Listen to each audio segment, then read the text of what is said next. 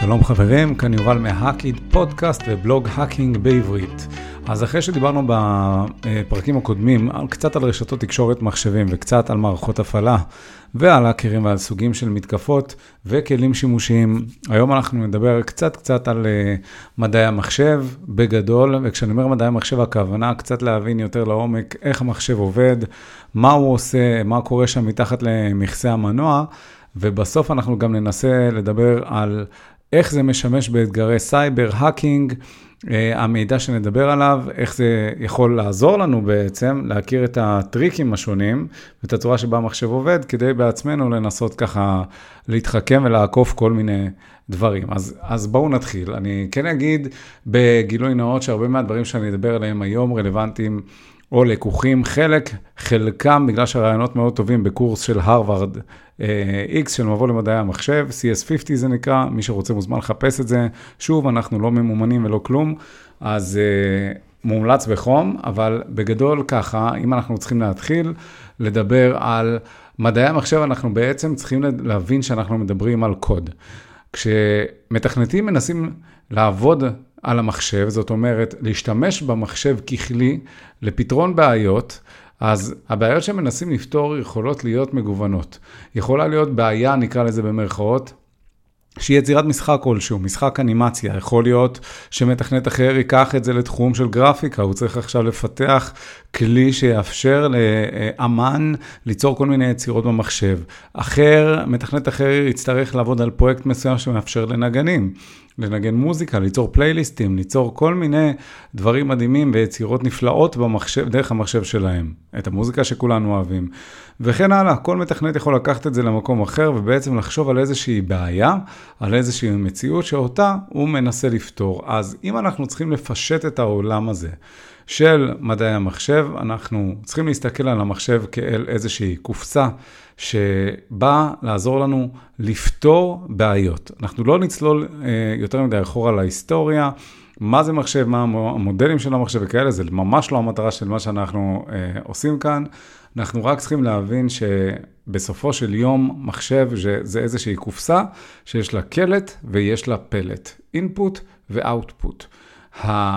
האינפוט שלנו לצורך העניין למחשב, זה הבעיה שאנחנו מנסים לפתור כשאנחנו באים לה, להשתמש בקופסה הזאת. הפלט, מה שיוצא מהקופסה הזאת, אמור להיות מה שנותן לנו את המענה. זאת אומרת, אם עכשיו אני משתמש במחשב כדי להקליט לכם פודקאסט, אז אני משתמש בו עכשיו באמצעות תוכנה שבה, מאפשר, שבה אני יכול להקליט בעצם משהו. אז זה הפלט מה, מהמחשב. עכשיו, למה זה משנה קלט, פלט, מחשב, את מי זה מעניין בכלל, נכון? כולנו יודעים שיש מחשב, יש תוכנות, משתמשים, ושלום על ישראל. אז זה נכון, אבל בעולם הזה של בכלל תכנות, מחשוב וכדומה, אנחנו צריכים לשנות טיפה את התפיסה ולהבין שכל מה שאנחנו עושים זה לפתור בעיות. אנחנו צריכים להבין מה הבעיה שאנחנו מנסים לפתור, מה הכלי שפותר לנו את הבעיה, ואיך הוא עובד ואיך הוא בעצם פותר עבורנו את הבעיה. עכשיו, אנחנו הזכרנו ממש ב-overview כללי כזה, שמחשב בנוי מיחידות של זיכרון, מיחידות של מעבדים בעין, וכרגע אנחנו פחות נצלול לאזורים האלה, אבל אנחנו כן נדבר על כך שהמחשב, כדי לפתור לנו את הבעיות, הוא צריך, אה, צריך שתהיה לו את היכולת לבצע את הפקודות. בסופו של יום, כל תוכנה מורכבת מסט של פקודות, והמחשב, מה שהוא עושה, בין שאר הדברים, הוא ממיר בסוף את התוכנה שנכתבה לפקודות מכונה, לשפת מכונה, והשפת מכונה הזו בסופו של יום אומרת לרצפים של אפסים ואחדות, 01, 001 וכדומה, באורך מאוד מאוד מאוד גדול. וכל רצף כזה של פקודות של 001, 001, בעצם זה הדרך של המחשב לייצג את התוכנה שפותרת לנו איזושהי בעיה. ולמה זה מעניין אותנו בכלל? מכמה סיבות. הסיבה הראשונה, שכאשר אנחנו מבינים שמה שהמחשב עושה, זה להמיר את הפקודות שלנו לפקודות של שפת מכונה, אז אנחנו קודם כל צריכים להבין למה. למה הוא צריך לעשות את זה? כי בואו נחשוב על זה רגע, אם, אם אנחנו רוצים לייצג משהו, אם אנחנו רוצים שתהיה לנו תוכנה במחשב, המחשב צריך לשמור אותה איכשהו, אבל המחשב מורכב בסוף מחלקים, אלקטרונים, כרטיסים כאלה. אה, בין היתר, הלוח אם, הזיכרון וכדומה, אבל בסוף מדובר על רכיבים אלקטרונים שפועלים על חשמל, וחשמל זה או שיש חשמל או שאין חשמל. בסוגריים, אני אגיד שאני לא נכנס לכל העולם של המיקרו-מעבדים, ששם באמת ברזולוציות הנמוכות ביותר אפשר לדבר גם על רמה של חשמל. זאת אומרת, זה לא רק 0 או 1, אלא זה גם יש רמה בין 0 ל-1 שיכולה לקבוע את העוצמה של המיקרו-מעבד. לא ניכנס לזה, זה סתם אה, סוגריים שיכולים לסבך אותנו יותר ויותר, אבל מבחינת המחשב יש כרטיסים אלקטרוניים, זה או שיש חשמל או שאין חשמל. עכשיו, אם בסוף כל מידע, כמו בוא ניקח את הדוגמה הכי פשוטה של טקסט, יש לנו איזה מסמך שבו כתוב השם שלי, יובל, יש קובץ טקסט, בפנים כתוב יובל, י' ו' ב' ל', זה הכל. כשהמחשב צריך עכשיו לשמור את הקובץ הזה ואת השם שלי, הוא צריך להמיר את כל הדבר הזה לרצפים של אפסים ואחדות בהתאם לאיזשהו סטנדרט שנקבע מראש.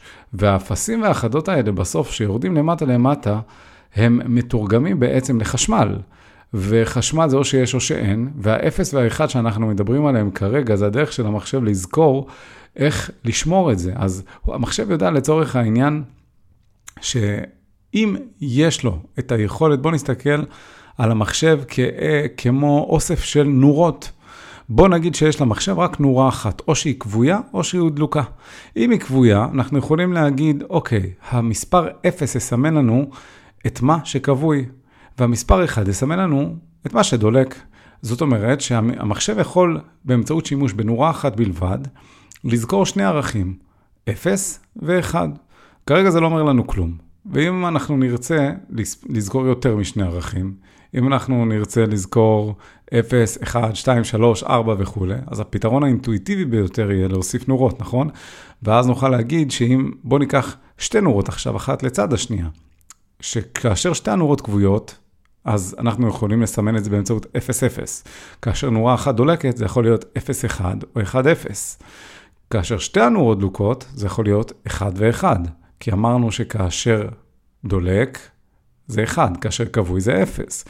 וכך בעצם אנחנו מתחילים להבין שיש לנו אפשרות של משחק להקצות למחשב יכולות לזכור ערכים מסוימים. עכשיו, כרגע זה נשמע לנו הזוי, נכון? 0 ו-1, 1 ו-0, מה זה נותן בכלל? למי אכפת?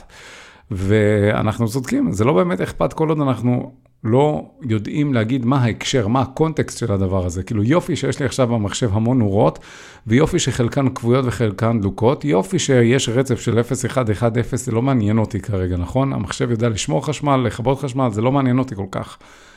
אמ, אבל זהו שזה כן מעניין אותנו, כי בסופו של יום, כשאנחנו רוצים לדעת איך המחשב אה, ניתן לניצול, אנחנו צריכים להבין איך הוא בנוי. אז אם אני רגע, גם אם מה שאני אומר נשמע קצת קשה להבנה, כי זה, קשה, כי, כי זה לא משהו שהוא ויזואלית קל אה, תמיד לדמיין, אז בואו נמיר רגע את כל הנורות שדיברנו עליהן שבתוך המחשב שלא באמת נמצאות, בכל מיני רכיבים שנקראים טרנזיסטורים. טרנזיסטורים זה איזושהי יחידה אלקטרונית שיכולה לקבל חשמל, מתח חשמלי, או, אה, או לא, או 0 או 1.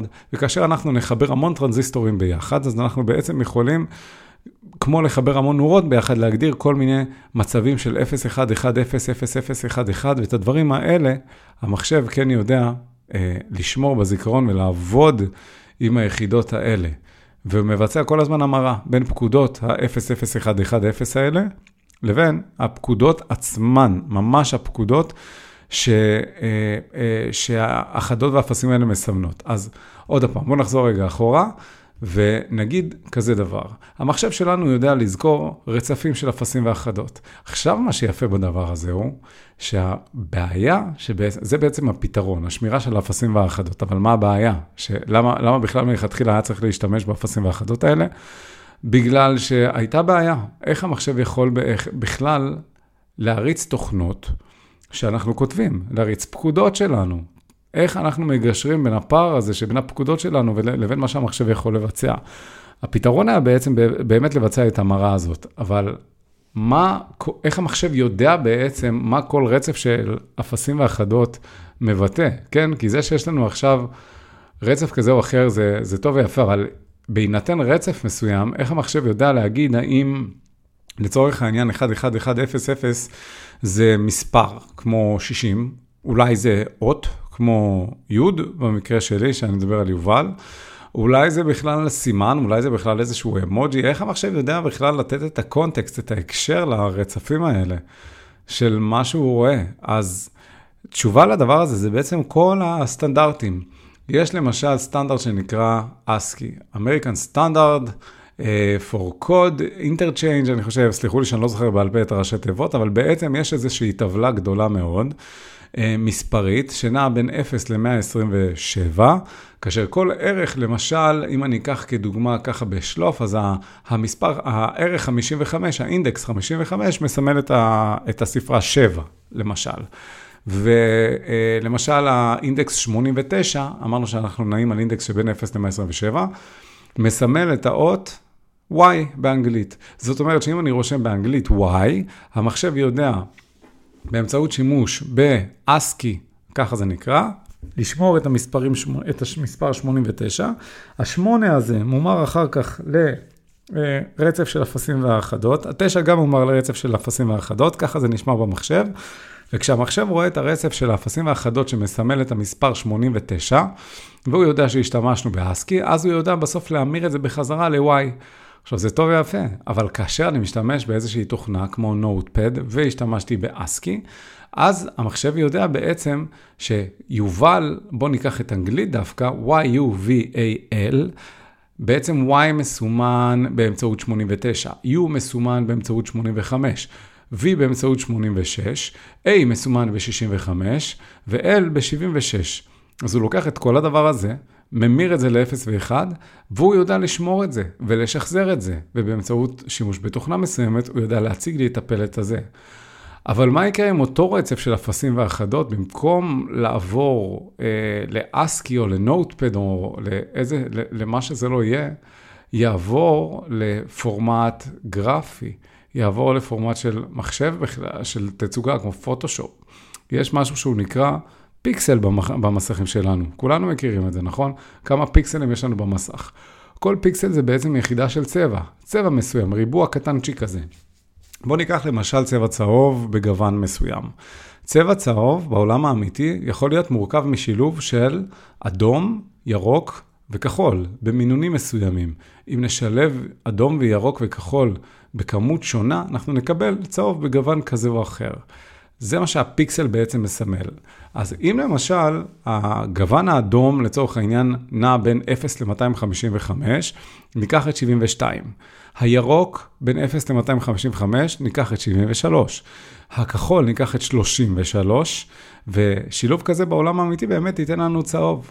אבל מה שיפה בדבר הזה, זה שהמספר 72, 73, 33, זה בעצם גוונים של צבע. עכשיו, לפני שנייה דיברנו על זה שזה יכול לסמן אותיות. עכשיו אנחנו מדברים על זה שהמספרים האלה יכולים לסמן גוון של צבע, של פיקסל.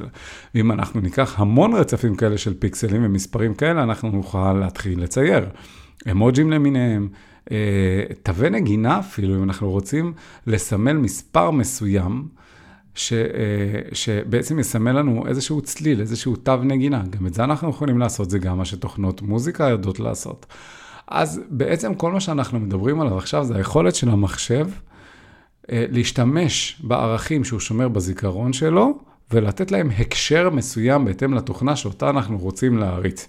אם אנחנו רוצים ליצור מוזיקה, אז אנחנו משתמשים בתוכנה שיודעת להמיר את הערכים הנשמרים בזיכרון המחשב לפעולות מוזיקליות. אם אנחנו מדברים על גרפיקה, ההמרה מתבצעת באמצעות ערכים מסוימים לפעולות גרפיות, לפיקסלים. אנחנו מדברים על טקסט, אז אנחנו יכולים לראות את התווים על המסך שלנו. והדבר הזה בעצם, אם אמרנו שיש קלט ופלט ויש קופסה שחורה שהיא המחשב, אז בעצם הקופסה השחורה הזאת, אנחנו יכולים לקרוא לה עכשיו אלגוריתם. יש פשוט סט של פקודות, פקודה אחר פקודה, שיודע לתת, אה, נקרא לזה, אה, חשיבה, חשיבה תהליכית. לקחת קלט מסוים, להגיד, אנחנו עכשיו מקלידים משהו ב, אה, בתוכנה שבעצם מאפשרת לנו להאזין טקסט, שומרים אותה, כן? מה שקורה בין לבין, זה בעצם האלגוריתם שלנו. קח את האות הזאת והזאת והזאת, תמיר אותה לכך וכך וכך, שמור אותה בזיכרון של המחשב. זה למשל סוג אחד של אלגוריתם. אלגוריתם שני בכלל יכול להיות התוכנה עצמה שמאפשרת לנו לעבוד עם עורך מלל כזה או אחר. מכאן אנחנו יכולים לצלול לעולם שלם כשאנחנו מדברים על, על שמירת ואחסון מידע במחשב, אז אנחנו יכולים לדבר על ביטים, על סיביות ועל בייטים, שזה גדלים מסוימים, אני בכוונה לא נכנס למקומות האלה כרגע, אבל אנחנו כן נזכור שבסוף כולנו מכירים את העולם של מגה בייטים, ג'יגה בייטים אה, וכולי, כל הדברים שקשורים לזיכרון, לגודל. יש להם רלוונטיות מאוד גדולה אה, בעולם המחשב, ומי יהיה לזה עניין מטעמכם, מאחר שזה לא קורס על אה, מדעי המחשב, אז אני מתייחס לזה פחות או יותר בראשי פרקים כשאני מנסה לפרט כמה שיותר, אה, באוברוויו די כללי. וגם אם הלכנו קצת לאיבוד, בואו בוא נזכור רגע, בריקאפ כזה, שהמחשב הוא קופסה שחורה, שמשמש אותנו כדי לפתור בעיות. הוא שומר מידע בצורה מאוד מסוימת, אוקיי? אה, והוא יודע גם לפרש את המידע הזה בהקשר מסוים. זה כרגע מה שאנחנו צריכים לזכור, זה נשמע קצת אה, מעורפל, תכף אנחנו נעשה את זה מאוד מעניין, כשנדבר איך זה קשור לאתגרי סייבר, האקינג וכאלה. עכשיו בואו ניקח אה, לצורך העניין איזושהי דוגמה, אתם יודעים מה? בואו נדבר רגע על קבצים. אנחנו יודעים לעבוד היום, אם הזכרנו את אה, עורך הטקסט, שאנחנו יודעים שאנחנו יכולים לשמור קובץ טקסט, TXT, אנחנו יכולים להשתמש ב Word, לשמור קובץ DOC, דוק, אנחנו יכולים לעבוד עם Excel ולשמור קובץ בסיומת. נכון, Excel, אנחנו יכולים לעבוד עם תמונות עם P, שבפורמ, שמסתיימות בפורמט PNG, קבצי מוזיקה שבפורמט MP3, כל הדברים האלה זה בעצם קבצ, סיומות של קבצים, וזה בעצם הדרך שבה אנחנו אומרים למחשב, מה ההקשר שהוא צריך לתת לרצף הביטים שהוא הולך לקבל. ביט, מבחינתי, זה בעצם אה, ספרה בינארית, זאת, זאת אומרת, זה או המספר 0 או המספר 1, ביט, ביטים, רצף של ביטים, של אפסים ואחדות. אז אם אנחנו עובדים עם mp3, אז אנחנו יודעים שזה פורמט, פורמט מוזיקה. אני מאמין שכולנו מכירים, ומי שלא, אז הנה, עכשיו יכיר. אז המחשב, כשהוא רואה קובץ mp3, הוא יודע, הנה, הבחורצ'יק, הבחור, הבחורצ'יק שלי, סליחה, או הבחורה, רוצה לעבוד עכשיו עם מוזיקה, אני אתרגם את זה למוזיקה, ואני אשמיע לו את זה באמצעות תוכנה כלשהי. אם עכשיו הוא רואה שזה docx, הוא יודע שהוא צריך לעבוד עם... נכון, Word, אם הוא יודע שזה טקסט, הוא יודע שהוא צריך לעבוד עכשיו עם טקסט. כל ההקשרים האלה הם סופר מעניינים ורלוונטיים. אבל, איך זה קשור לעולם ההאקינג ולעולם הסייבר? אז ככה, יש המון מקומות שמשתמשים באתגרי סייבר כאלה ואחרים, שמה הם עושים בעצם? הם מסתירים איזשהו מידע בקובץ, שהקובץ יכול להיות קובץ ZIP, מי שלא יודע מה זה קובץ ZIP, זה קובץ דחוס. יש לפעמים מצבים שבהם אנחנו רוצים לחסוך במקום, ומשתמשים בכלים שלוקחים קובץ מסוים, כמו מסמך, כמו תמונה, אה, כמו שיר, ובאמצעות אלגוריתם מסוים ש... אני לא אלאה אתכם בפרטים, אבל הוא פשוט, בוא נגיד ככה, מסתכל על איך הקובץ עצמו בנוי, ובמידה והוא רואה שיש מקומות ש, שהוא יכול לדחוס, למשל, אני סתם אתן לכם כדוגמה כדי ש, שנבין את זה, נניח שיש לנו רצף של 0, 1, 0, 0, 1, 1, 1, אז התוכנה מתחילה להסתכל על 0, 1, 0, 1, אוקיי, מתחילה לסרוק אותו. עכשיו, פתאום אם היא רואה, לצורך העניין, שיש לנו עכשיו רצף של 0 חמש פעמים, 0, 0, 0, 0, אז היא יודעת להגיד, אוקיי, אל תשמור לי חמש אפסים, בוא נעשה כאן איזשהו סוגריים, נכניס כאן סוגר ונגיד, עכשיו יש לי 5 כפול 0. אז במקום 0, 1, 0, 1, 0, 0, 0, 0, יש לי 0, 1, 0, 1, 5 כפול 0. קיצרתי. ככה בעצם כל קובץ בנוי מאחורי הקלעים מאיזשהו רצף של מחרוזת, של טקסט, של, של ערכים מסוימים. ותוכנות לקיבוץ קבצים בעצם מסתכלות על הקרביים, על המאחורי הקלעים של הקבצים האלה, ויודעות ככה לדחוס את הקובץ, וככה בעצם לחסוך במקום, לשמור אותו בצורה מקודדת כלשהי, שבוא ניתן לה את הסיומת זיפ, נקודה זיפ, וכאשר אנחנו נרצה לחלץ את הקובץ, אנחנו נשתמש בתוכנה. שנקראת נכון זיפ, זה לא חייב להיות, אה, יש כל מיני כלים, אני לא אתן בכוונה שמות של מוצרים, אבל אותה תוכנה יודעת בעצם להגיד, אוקיי, לתת את ההקשר ולראות את הרצפים ולראות, אוקיי, כאן יש מקום שאני צריך להרחיב את ה-0 כפול 5 ל-5 אפסים כדי לשחזר את הקובץ המקורי. זה ככה איזשהו overview על מה זה קבצים אה, מקובצים. עכשיו, למה זה מעניין? כי אנחנו עכשיו מנסים להבין בכלל מה זה קובץ. מה זה קובץ מבחינת המחשב. זאת אומרת, אני עכשיו גדלתי בעולם של Windows. אני לא יודע אם הרבה מכם גדלו בעולם של Windows או לא, וכמה מכם הם בלינוקס או במק או מה שזה לא יהיה, אבל אני גדלתי בווינדוס. מאז שהייתי ילד.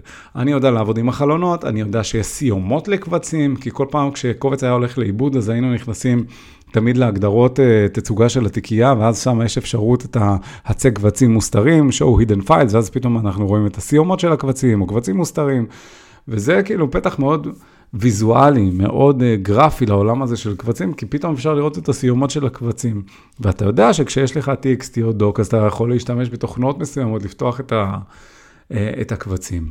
אני אתן אפילו עוד דוגמה, כשהיינו משחקים במשחקים, ופתאום uh, באתר מסוים היה רשום להיכנס לקובץ קונפיגורציה של, שנמצא בתיקייה כזו או אחרת, לפתוח את הקובץ, שהוא בכלל קובץ תוכנה כלשהו, באמצעות נוטפד, באמצעות הכתבן, ולשנות שם איזשהו ערך. עכשיו, זה נורא מצחיק, כי כאילו יש איזה קובץ שקשור לתוכנה, שפותחים אותו עם כתבן, פתאום אתה קולט שהקובץ של, של התוכנה, שהוא אפילו לא קובץ טקסטואלי במקור שלו, נפתח כטקסט, שם אתה יכול לערוך איזשהו ערך, לשנות אותו, לשמור אותו, וזה משפיע על המשחק, כאילו זה אשכרה משפיע על המשחק, זה, זה קטע מגניב.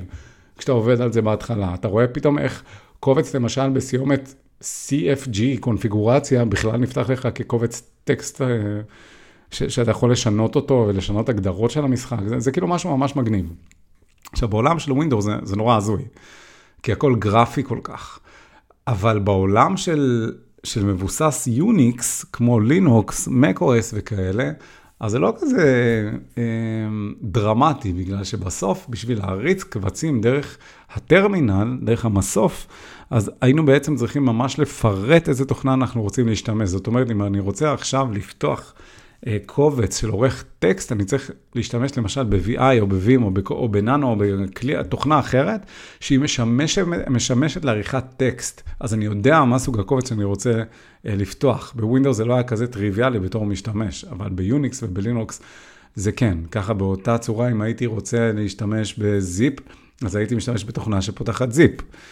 אה, ולכן, כאילו, כשאני מדבר עכשיו על פורמטים, על סוגים של קבצים, אז אנחנו מבינים שבעצם יש תוכנות מסוימות שמסתכלות פשוט מה הסיומת של הקובץ, והמחשב באמצעות הסיומת של הקובץ יודע איך לפרש את הקובץ עצמו. עכשיו, יש משהו שהוא נקרא Hex Dump, זה כלי מסוים שעובד בכל מיני מערכות הפעלה. אני, אני ספציפית מדבר עכשיו על יוניקס, uh, macOS, לינוקס וכאלה. יש אחלה כלי שנקרא Hexdump, ואם למשל אנחנו לוקחים קובץ זיפ כלשהו, ואנחנו רושמים במסוף Hexdump, רווח מינוס C, רווח שם הקובץ, שהוא נקודה זיפ לצורך העניין, אז אנחנו נראה איזושהי תצוגה הקסי דצימלית, כן, שם מפחיד נורא, זה תצוגה מספרית של הקובץ שלנו. והמינוס C שהרגע דיברתי עליו, הוא בעצם מבצע איזושהי המרה בין הספרות שה, שמוצגות בפלט של התוכנה הזאת, של הכלי הזה שנקרא הקסדאמפ, הוא ממיר את זה לצורה טקסטואלית, ככה שאנחנו מצליחים לראות בעצם מה הטקסט שמסתתר מאחורי אותו קובץ זיפ, לצורך העניין שאני מדבר עליו עכשיו. למה זה מעניין? כי, לצורך העניין, בואו נדמיין שיש לנו קובץ, שהוא קובץ PDF, שאם אני נותן עליו double click, ככה, אני עכשיו מדבר על Windows, אני לוחץ double click על איזשהו קובץ PDF, ובאמת נפתח לי הדפדפן, מציג לי את הקובץ PDF, הכל טוב ויפה. אבל אם אני משנה את הסיומת של הקובץ לנקודה ZIP במקום PDF, אז פתאום אני נותן double click על הקובץ, ואני רואה שבתוך ה-PDF פתאום הוא הפך לי לקובץ ZIP, בפנים יש לי איזשהו קובץ טקסט, וכשאני פותח את הקובץ טקסט, יש לי איזה מסר סודי, שמישהו הסתיר לי שם באיזשהו אתגר סייבר. איך זה יכול להיות, אתם שואלים? איך יכול להיות שקובץ PDF שאנחנו כולנו מכירים, אה, הופך פתאום לקובץ ZIP שבתוכו חבוי קובץ טקסט אחר? על מה אתה מדבר בכלל, נכון? איך, איך זה יכול להיות? אז מסתבר שזה ועוד איך ועוד איך יכול להיות. כי אם אנחנו ניקח לצורך העניין איזושהי תוכנה שנקראת 010 Editor, זה איזושהי תוכנה סופר מגניבה, יש לה גם גרסה חינמית, שמאפשרת לנו לטעון איזה קובץ שאנחנו רוצים, ולבחור template. זאת אומרת, אם עכשיו אני טוען לתוכנה הזאת קובץ ZIP, אני יכול לסמן בתוכנה הזאת איזה template אני רוצה להריץ על הקובץ כדי לנתח אותו. אני יכול לבחור template של ZIP, אני יכול לבחור template של PDF, של תמונות, של מה שאני רוצה, ואז מה שיקרה, התוכנה הזאת פשוט תראה לי את מאחורי הקלעים של הקובץ, בצורה מספרית כזו או אחרת, בצורה אקסדצימלית או בצורה טקסטואלית. ולמה זה מעניין אותנו? בגלל שברגע שהתוכנה הזאת יודעת לנתח את כל, ה... את כל התוכן של הקובץ מאחורי הקלעים, זה יכול להיות מעניין. כי אז אני יכול לראות, אוקיי, שנייה, יש לי פה קובץ זיפ, אבל אני רואה שיש שם עוד ערכים בתוך הקובץ. נכון? אם עכשיו התוכנה יודעת לקחת קובץ זיפ, לנתח אותו, להגיד לי שיש קובץ טקסט בפנים, ולהגיד לי שיש איזשהו קשר בין הקובץ הזה בכלל ל-PDF שהיה במקור, אבל איך זה יכול, מה, מה קורה כאן? זה נשמע נורא מבלבל, נכון? הכל נשמע נורא מבלבל, אבל אנחנו נפשט את זה. בואו נדמיין שיש לנו עכשיו תמונה של הומר סימפסון, שאני מקווה שכולכם מכירים, מאוד מאוד מקווה שכולכם מכירים, ושל סופרמן מצד אחד. אז בואו ונדמיין שיש לנו שני אנשים, אחד אוהב נורא את סימפסון ואחד אוהב נורא את סופרמן.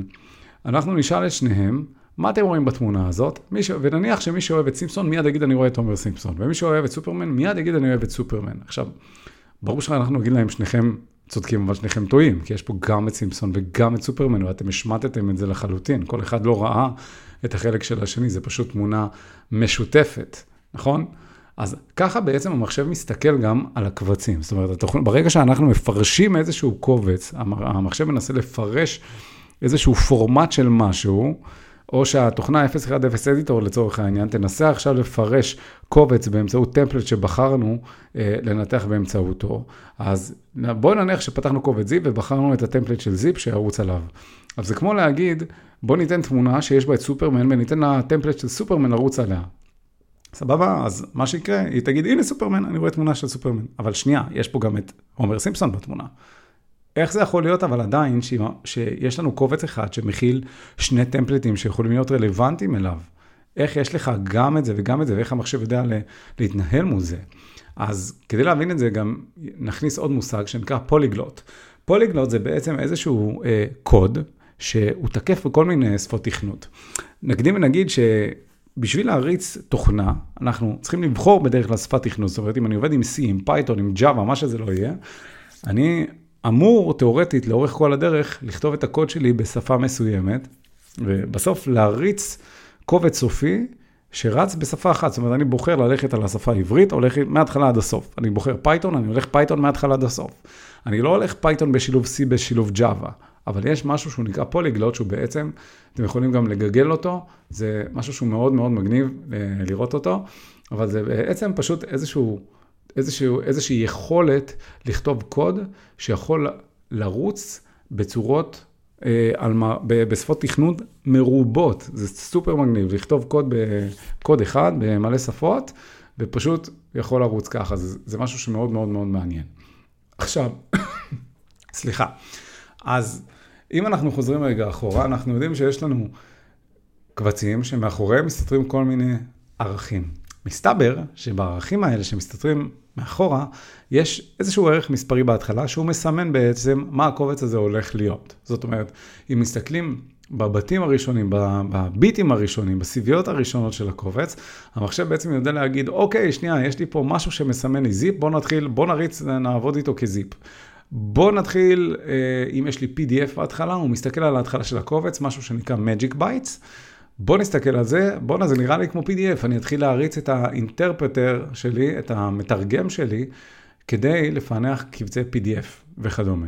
משהו שהוא אמור להיות סופר קל, נכון? זה מה שהמחשב יודע לעשות, אבל מה קורה כשיש לי גם את זה וגם את זה? זה הדברים שאנחנו נתקלים איתם, זה התחכמויות שאנחנו בדרך כלל מדברים עליהם. אז איך זה יכול לקרות ומה עושים עם זה? אני יודע שזה עדיין יכול להישמע מעורפל, לא ברור, זה נשמע שזה פרק קצת כבד, אבל בואו לפחות, מי שהצלחתם להאזין עד עכשיו, קודם כל שאפו לכם, ודבר שני, אתם לא תצאו מכאן בלי שלפחות נעשה recap סופר מגניב על הדבר הזה. אז אם אנחנו צריכים רגע לדבר על, על כלי, בואו נדבר על כלי שנקרא Mitra, M-I-T-R-A.py. מה שהכלי הזה יכול לעשות הוא כלי פייתוני, שהוא מאפשר למזג בין שני קבצים. אז בואו נניח שיש לכם קובץ, תעשו ניסיון איתי, תפתחו איזשהו קובץ אה, שאתם רוצים, לבחירתכם, על המחשב, אה, קובץ זיפ לצורך העניין, וקובץ PDF. באמצעות שימוש במיטרה, אפשר בעצם להצהיר על שני הקבצים האלה, במסוף, בטרמינל, או באיזה כלי שאתם רוצים, ולמזג ביניהם. הכלי הזה יודע לקחת, סליחה, שני הקבצים האלה וליצור קובץ אחד, שהוא גם זיפ וגם PDF, כמו שנתנו בדוגמה הקודמת, שדיברנו עליה קודם. נניח שאנחנו נשנה את השם של הקובץ הזה ונקרא לו test.zip.pdf. מה אתם חושבים שיקרה? ברגע שהסיומת תהיה PDF וניתן double click, אז ייפתח לנו PDF. ברגע שנשנה את הסיומת ל-ZIP, אז יהיה לנו קובץ ZIP. ונניח שהקובץ ZIP שבחרנו גם כלל כבר מלכתחילה קובץ טקסט שהיה בתוכו הערך יובל, או מה שאנחנו רוצים, אז מן הסתם שגם הערך שיהיה בקובץ טקסט שאנחנו מדברים עליו, יהיה יובל. וככה בעצם אנחנו באמצעות שימוש באיזשהו כלי, יכולים ליצור קובץ נסתר בתוך קובץ PDF לגיטימי, ולשתול מסרים חבויים.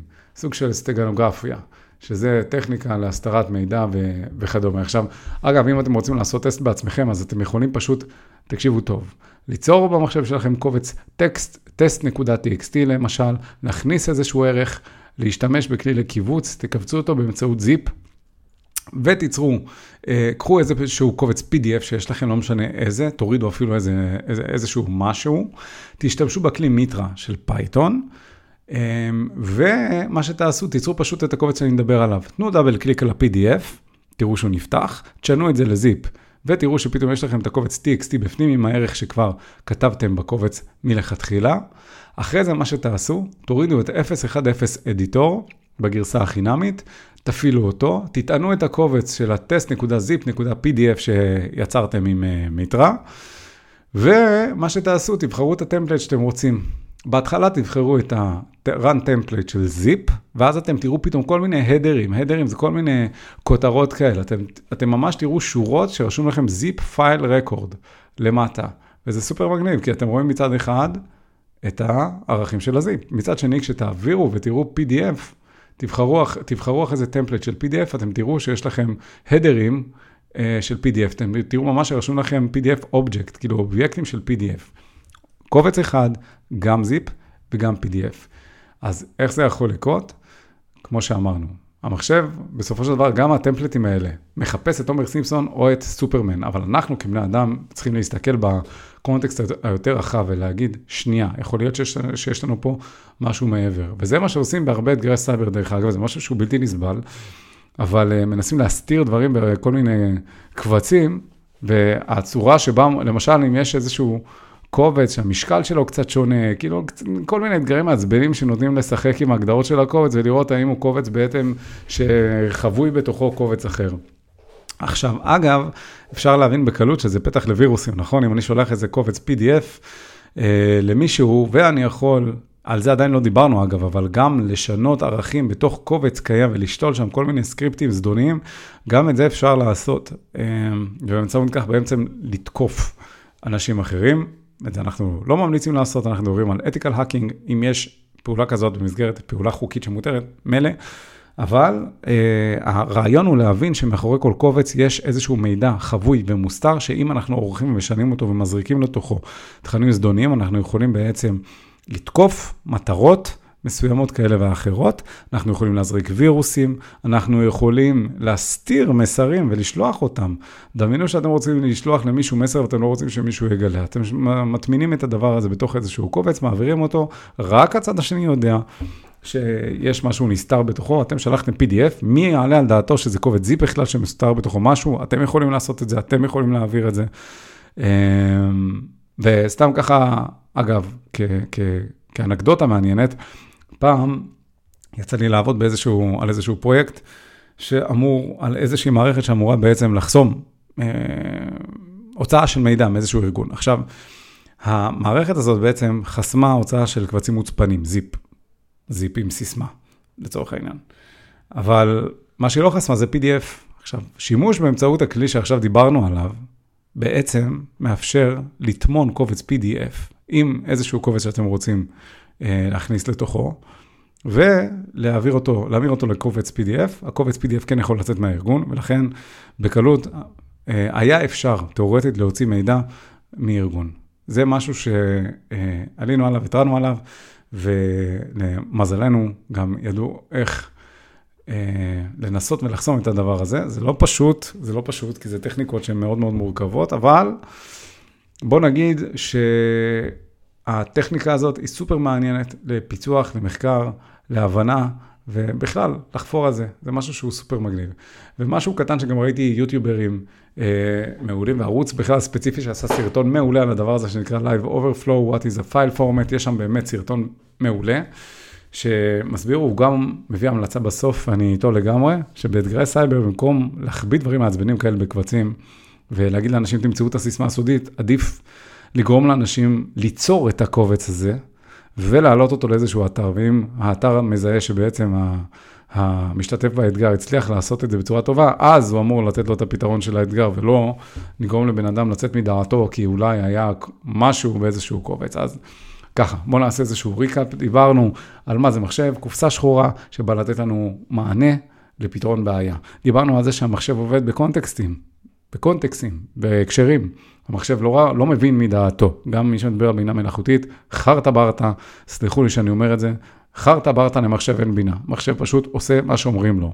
בינה מלאכותית, בסוגריים, כל מיני ספים וכל מיני הגדרות שמתכנתים מלכתחילה, טוענים לתוך תוכנה כלשהי, שאמורה לבצע פעולות כאלה ואחרות. אין שום בינה מלאכותית, מחשב לא יודע לעולם ולא ידע לעולם לחשוב בצורה עצמית ועצמאית. אין לו יכולת לחשוב, יש לו יכולת לבצע פקודות ש... שמזריקים לתוכו, ולכן האינפוט זה בעצם מה שדיברנו עליו כאן. יש מחשב, יש בו אלגוריתם שהוא מבצע סט של פעולות מסוימות, כמו מתכון, שהמטרה להכין אוכל, הוא סך הכל לוקח את המתכון, מריץ אותו, יש אותנו שאנחנו צריכים לחשוב על הבעיה, למשל, אנחנו רוצים להכין ארוחה מסוימת, איך אנחנו פותרים את הבעיה? אנחנו עובדים על יצירת מתכון, נכון? אנחנו, זה, זה הרעיון בגדול. input, output, קלט, פלט, המחשב פותר את הבעיה הזאת, שאנחנו מבינים איך האוטפוט, איך הפתרון, כשאנחנו עובד, למשל, אנחנו יודעים שהמחשב, הפתרון שלו אה, לתרגם אפסים ואחדות, את אותו רצף של אפסים ואחדות לדברים שונים, הפתרון לדבר הזה זה ההקשרים. זה הסוגים של התוכנות, זה ה-MP3, זה הדוק, זה הגרפיקה, הפיקסלים, כל מה שדיברנו עליו בעצם.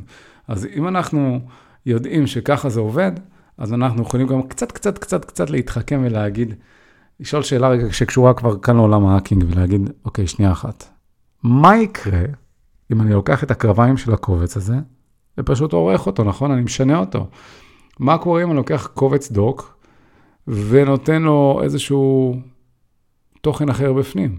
האם אני יכול לשבש קבצים קיימים? אני יכול לנסות לעקוף מנגנוני הגנה כמו שדיברנו עם ה-PDF והזיפ? האם אני יכול עכשיו לשתול איזשהו סקריפט זדוני מאחורי הקלעים של תוכנה ומישהו אחר יריץ אותו? האם אני יכול לגרום למחשב לחשוב שהוא מבצע עכשיו הקשר של הרצת פעולת doc, אבל בעצם מאחורי הקלעים אני שותל שם איזה קוד שמריץ בכלל איזה process, איזה תהליך במחשב? כמו שדיברנו על מערכות הפעלה, האם יש לי יכולת לתמרן כאן דברים מעל ומעבר? זה שאלות שהן סופר מעניינות ו- כדאי לתת עליהם את הדעת. ובפרקים הנוספים שעוד יבואו עלינו לחיים טובים ולשלום, אנחנו נביא דוגמאות ממתקפות, מדברים, מסיפורים אמיתיים שקרו. כאן כרגע, כמו שאנחנו תמיד אומרים, אנחנו בונים את היסודות. אה, ובונים גראונד אפ, מה שנקרא, מלמטה ללמעלה, שלב שלב, צעד צעד. ואני חושב שבזה אנחנו נחתום את הפרק שלנו. היה כיף לדבר על הנושא הזה, למרות שהוא היה קצת כבד. מי שהחזיק עד הסוף, מה טוב, מי שלא, שישמע שוב, ומי שלא, לפחות שייקח עכשיו, שיתרכז עשר שניות ויקח מהטייק אווי הזה את העניין שהמחשב סך הכל נתון לפרשנות, לוקח משהו שנתון לפרשנות, ומסתכל על איזה פרשנות, איזה, מה הוא צריך לבצע, איזה פרשנות, על איזה מידע, וכך הוא בעצם מבצע. אני כן אגיד בעוד חצי משפט, שזה פתח להמון המון פרצות שהאקרים מצליחים למצוא, כי הם יודעים לצורך העניין שיש איזשהו שרת שאמור לבצע פעולה מסוימת, אבל עם איזשהו שינוי של הפרשנות, הוא גורם למחשב לבצע פעולה אחרת. ואז זה בעצם העיוות הזה, אני לא אצלול לזה, עכשיו זה לא הזמן, זה לא השעה, זה לא המקום.